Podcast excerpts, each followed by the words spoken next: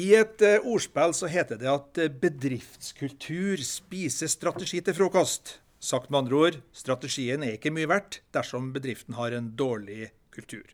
Og Lars Galtung, direktør for kommunikasjon og samfunnskontakt, uh, gjelder dette i Tine også? Ja, det, det, det stemmer nok.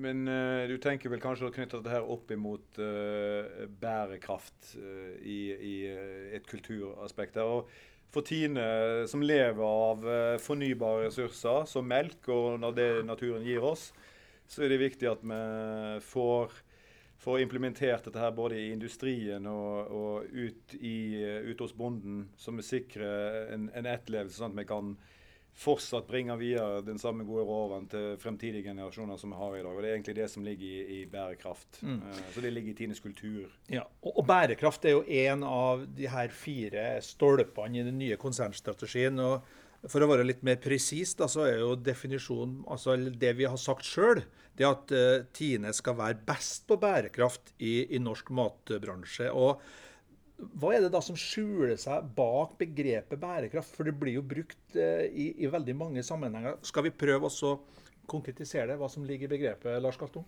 Ja, Det er mange, sikkert ulike definisjoner på det, men det stammer jo tilbake til Gro Harlem Brundtland i, i sin tid. Og, og, det var vel en definisjon ut for at en skal ivareta dagens behov. Øh, øh, men ikke redusere mulighetene og behovene til fremtidige generasjoner. Og, og, for Tine sin del, da, så hvis du ser på det som spesielt går på klima og miljø, så, så er det jo det å ivareta naturressursene på en sånn måte, forvalte de sånn at de, de kommer tilbake igjen. For det er vi helt avhengig av eh, når det er melk vi holder på med, som er et naturlig produkt. Og det lever ku og lever av vann, og det naturen gir oss. Så det, det, det hele tida for, for tiden sånn eksistensgrunnlag da, som er det helt sentralt i, i uh, vår strategi. Mm. Bærekraft. Og også en del av samvirketankegangen. På, på, på, mange måter så kan man si at bærekraft er det prinsippet som bønder har levd etter alltid. Å bringe mm. noe over til neste generasjon i bedre stand enn en mottok det. Mm. Og den som sa det, det var den andre deltakeren i dagens podkast, eh, Jonny Ødegaard. Du er konserndirektør for Tine, medlem, Tine rådgivning og medlem, og sjøl bonde. Og hva, hva, tenker du dette med bærekraft vil ha å si for den yrkesutøvelsen som hver norsk melkeprodusent nå skal, skal drive på med i åra som kommer?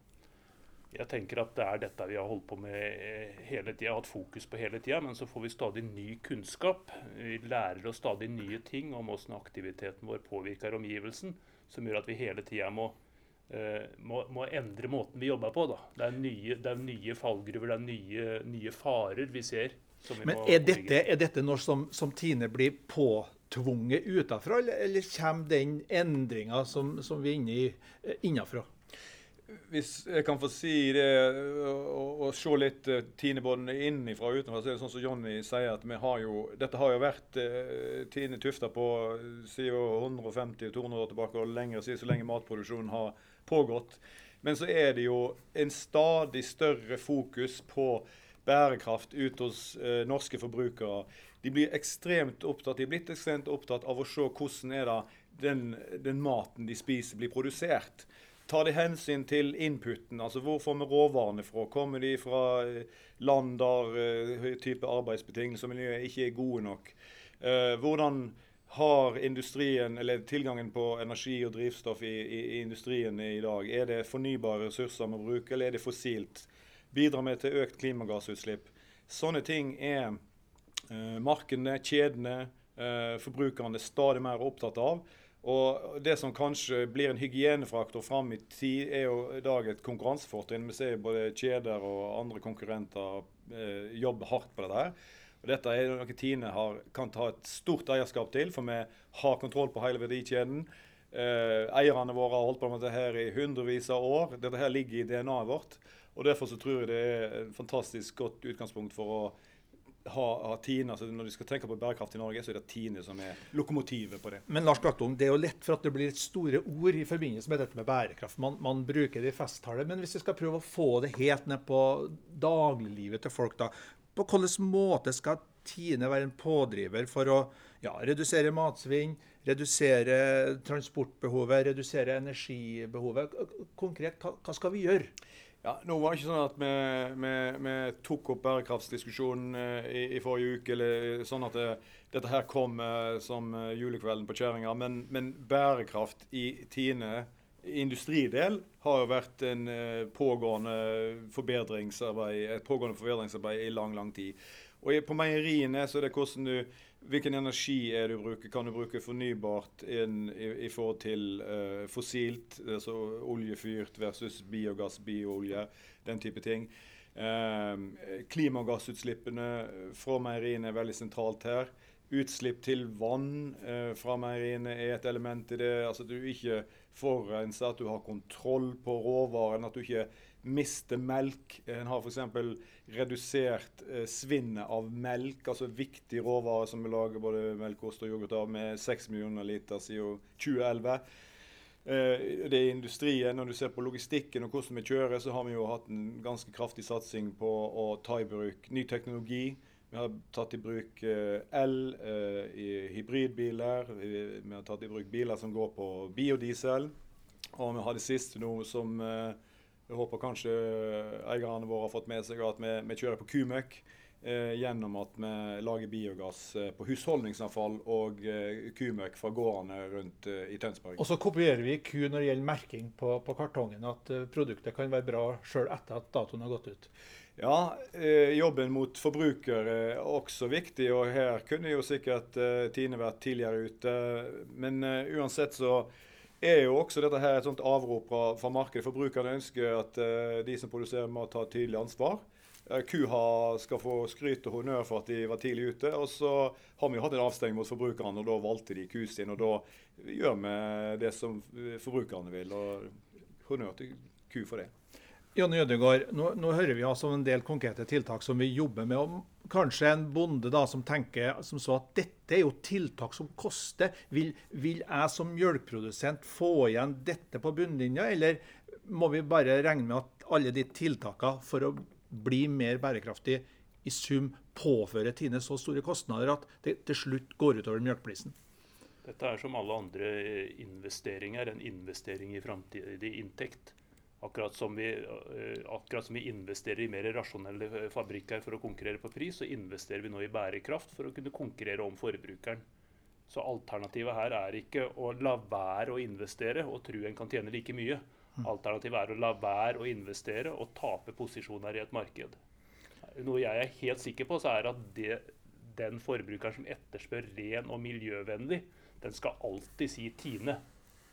Men Du skal få slippe ordet, men jeg har et oppfølgingsspørsmål til, til Jonny her. I den daglige drifta for en bonde altså Du sier at vi har drevet egentlig bærekraftig på mange måter allerede, kanskje i, i mange hundre år. Men, men hvordan vil f.eks. dette med å måle, kontrollere, følge opp Vil bonden bli enda mer en rapport, rapportør som, som blir byråkratisk? For my, mye systemer å forholde seg til? Jeg tror ikke jeg sa at vi har drevet bærekraftig. Jeg tror jeg sa at bonden alltid har, vært, har prøvd å, okay. å, være bærekraftig. Altså Han har, har forsøkt å overlevere i, i, i, bedre stand. Og så får vi ny kunnskap som gjør at ja, ingen tenkte på klimaavtrykk for, for 20 år siden. CO2 var liksom et, et, et fremmedord for, for, de fleste. Nå får vi ny kunnskap som gjør at vi må eh, endre driftsformen vår. Jeg tror, når, helt konkret på det spørsmålet om rapportering, at uh, forbrukeren kommer til å etterspørre mer og mer informasjon, og vi må samle mer og mer informasjon. Dokumentere det, med andre ord. Dokumentere mer og mer. Ja. Det, jeg liker ikke å si det, for jeg vet at folk hater uh, denne, dette papirarbeidet. Men det jeg håper vi kan gjøre, og der jobber vi ganske mye på, på rådgivningssida, det er at mer og mer av denne dokumentasjonen skal vi samle inn automatisk. Altså At det ikke skal bli dobbeltrapportering. At det ikke skal bli Eh, enda mer tid foran PC-en. Så sensorikk, digitalisering og alt det der vil, ja. vil hjelpe, mener du? Det håper jeg. Det er i hvert fall drømmen vår. At vi kan få på plass løsninger som samler inn denne typen eh, Og der har Norge igjen et forsprang ikke sant, i forhold til mange andre land. Vi har gode verktøy for bonden til å samle inn eh, dokumentasjon. Så jeg håper at vi kan snu dette til et konkurransefortrinn for norsk jordbruk. Jeg er jo ikke så proff bonde som du er. Jeg er jo bare en uh, sønn av en uh, fruktbonde i, i Hardanger. Men, men, det som uh, jeg i hvert fall tenker også, at er å knytte bærekraft opp mot lønnsomhet, det, det ene er jo at med hjelp av teknologi og innsikt i, i fòring og når du skal gjødsle og når du skal høste og sånne ting, så får du jo optimalisert en produksjon kanskje òg på en annen måte eh, enn du gjør i dag. Så det er jo et eh, kostnadselement som du kanskje kan få redusert her. Og et annet viktig lønnsomhetsperspektiv i det er jo at det er ingen som har så gode forutsetninger som Tine til å eh, vise og synliggjøre den sporbarheten i verdikjeden, for den eier Tine sjøl. Uh, og, og, og, de er opptatt av hvordan varene, forbrukerne er opptatt av hvordan varene blir produsert. Uh, og vi kan ha kontroll på hele den verdikjeden. Det er det ingen det få andre som kan i, i samme grad.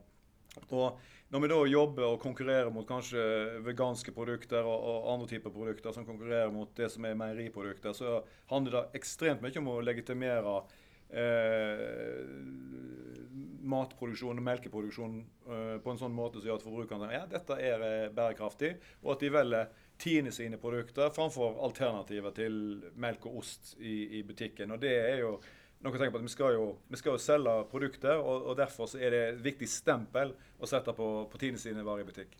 Jeg tror det er viktig det du tar opp, at dette er lønnsomt for bonden og for Tine å jobbe med bærekraft. Jeg tror det er særlig viktig for mjølk, og særlig viktig for drikkemjølk, faktisk. At drikkemjølk, forbruk av drikkemjølk er knytta til at det oppfattes som sunt og riktig på en måte drikkemjølka skal være hvit og fornybar og sunn og helsebringende, og det vet vi at hun er. Den skal ikke fra, kunne framstilles som svart og fossil og usunn på noen måte. Så særlig for forbruk av drikkemelk så er det viktig å vinne den bærekraftbetaen. Og så for bonden, som du sier, det å bruke mindre energi, det å bruke mindre gjødsel eh, der det er rasjonelt. Eh, så alt dette bidrar til bondens lønnsomhet. Det er veldig godt samsvar mellom bærekraft og lønnsomhet på veldig mange områder. Men det at bærekraft nå har blitt så framme i debatten, og du nevnte jo det, Lars Gattung, at, at det bærekraft er alle deler av samfunnet opptatt av nå. Hvordan skal da Tine klare å differensiere seg, gjøre seg annerledes enn alle de andre som også er opptatt av det her? Hvordan skal bærekraft bli en, et fortrinn for oss, når alle sammen satser på det? Det er jo mange element i, i Tines verdikjede og innsatsfaktorer som vi, vi, kan spille på. Men det, beste eksempelet er jo at altså du kan kjøre varene til Tine ut til butikk på, på drivstoff som er faktisk lagd av kuer, både som ferdigvare og som drivstoff.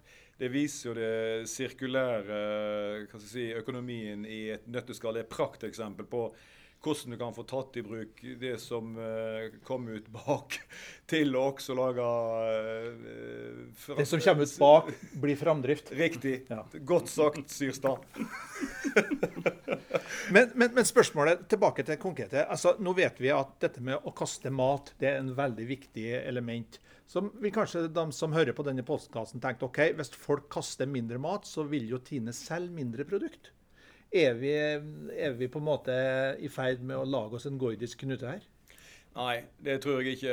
Eh, for først handler det om å ta det ansvaret at vi, vi kan ikke drive og kaste ressurser. Det er veldig sentralt i Tine sin eh, bærekraftstrategi. Vi tar vare på de ressursene vi har. Eh, og det skal vi redusere svinnet i vår egen verdikjede. Vi jo tegne en intensjonsavtale på dette her med myndighetene. Og, og fram mot 2030 så har vi en ambisjon om å redusere 50 av det. Og som sagt så nevnte jeg vi har allerede redusert 6 millioner liter siden 2011. Så det å få utnytta den råvaren maksimalt og finne andre produkter eh, vi kan utvikle og, og, innovere på, så er jo det et veldig sentralt viktig del i Tine sin strategi. Ja, skal, vi vegan, skal, vi inn i veganmarkedet nå? Bare for å ta det ferdig, den uh, Tine 2020-strategien på innovasjon, så er det jo nettopp dette som er et kraftig satsingsområde. Nå trenger vi all den råvaren vi kan ha. og Hvis vi greier å spare noen plass, så, så lager vi andre produkter av det. Ja, Jonny Ødegaard, betyr det da at vi eh, kommer til å i, en nær framtid kommer til å, å lansere veganske produkter, enten i fast eller flytteform? Kommer selvsagt ikke til å avsløre noen som helst uh, hemmeligheter i dette, denne podkasten. Men, men, Tine har jo alltid vært flinke til å uh, tenke framover. Og, og, var jo blant de første som lanserte fersk juice her i landet. Og har alltid, alltid, sett etter muligheter til å utnytte den kapasiteten vi har på meieriene. Den det ledige rommet som er på distribusjonsbilene våre, den ledige kapasiteten som er ellers i organisasjonen, innenfor alt fra forretningsutvikling til salg. ikke sant? Så, så vi må selvsagt også lete etter muligheter innenfor dette. Men eh, bare avslutningsvis, da. Eh, er det ikke sånn at eh, vi faktisk er langt unna å ha en atferd, en, en, produksjon, både når det gjelder på individnivå, når det gjelder på bedriftsnivå, og når det gjelder hele landet, at vi per i dag faktisk ikke driver bærekraftig i noen del av samfunnet. At det er derfor dette er viktig. At vi har en lang vei å gå. Eh, hvis du tar utgangspunkt i, i de klimaforpliktelsene som uh, mange land i verden har eh, undertegna, og det er å nå togradersmålet, så, så er det jo ikke bærekraftig hvis en ikke greier å ta ned forbruket og redusere forbruket av fossilt, fossil energi, som er sett på som hovedårsaken for klimaøkninger. Det tror jeg uh, norske selskaper uh, tar og ser og tar et stort ansvar for. Vi er bl.a. med i den koalisjonen Norge 2030-40, som uh, er store selskaper som Statoil og Telenor og Hurtigruter osv., som, som Tine også. Der en går inn og, og forplikter seg og jobber med konkrete mål i, i, i egen virksomhet.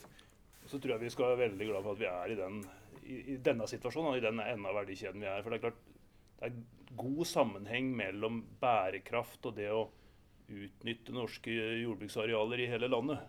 Det er en god sammenheng. Vi, er, vi mm. får støtte for mye av våre argumenter for å drive et jordbruk i hele landet. Og produsere mat der det kan produseres mat, bl.a. Men like fullt, inntrykket har jo skapt seg at det er faktisk Dagros, kua, som er et stort miljøproblem. Ja, vi har ikke jeg tror mange politikere ikke har klart å forstå forskjellen mellom det sirkulære og det fossile. Uh, og Der har vi en jobb å gjøre med å forklare at selv om CO2 eller metan fra kua fungerer akkurat på samme måte i atmosfæren som om det kommer fra Mongstad, så er uh, de tiltakene en setter inn, helt annerledes på det sirkulære. Jeg tror ikke vi har noen grunn til å, å, å skamme oss på det området. Men samtidig så må vi innse at det kommer til å bli satt krav også til uh, kua. Og Da må vi være med å finne gode løsninger på det. Og Hvis vi klarer det, så, er, så ser jeg veldig lyst jeg på, på Og det greier vi. Det klarer vi. Og det skal bli tema i en senere podkast.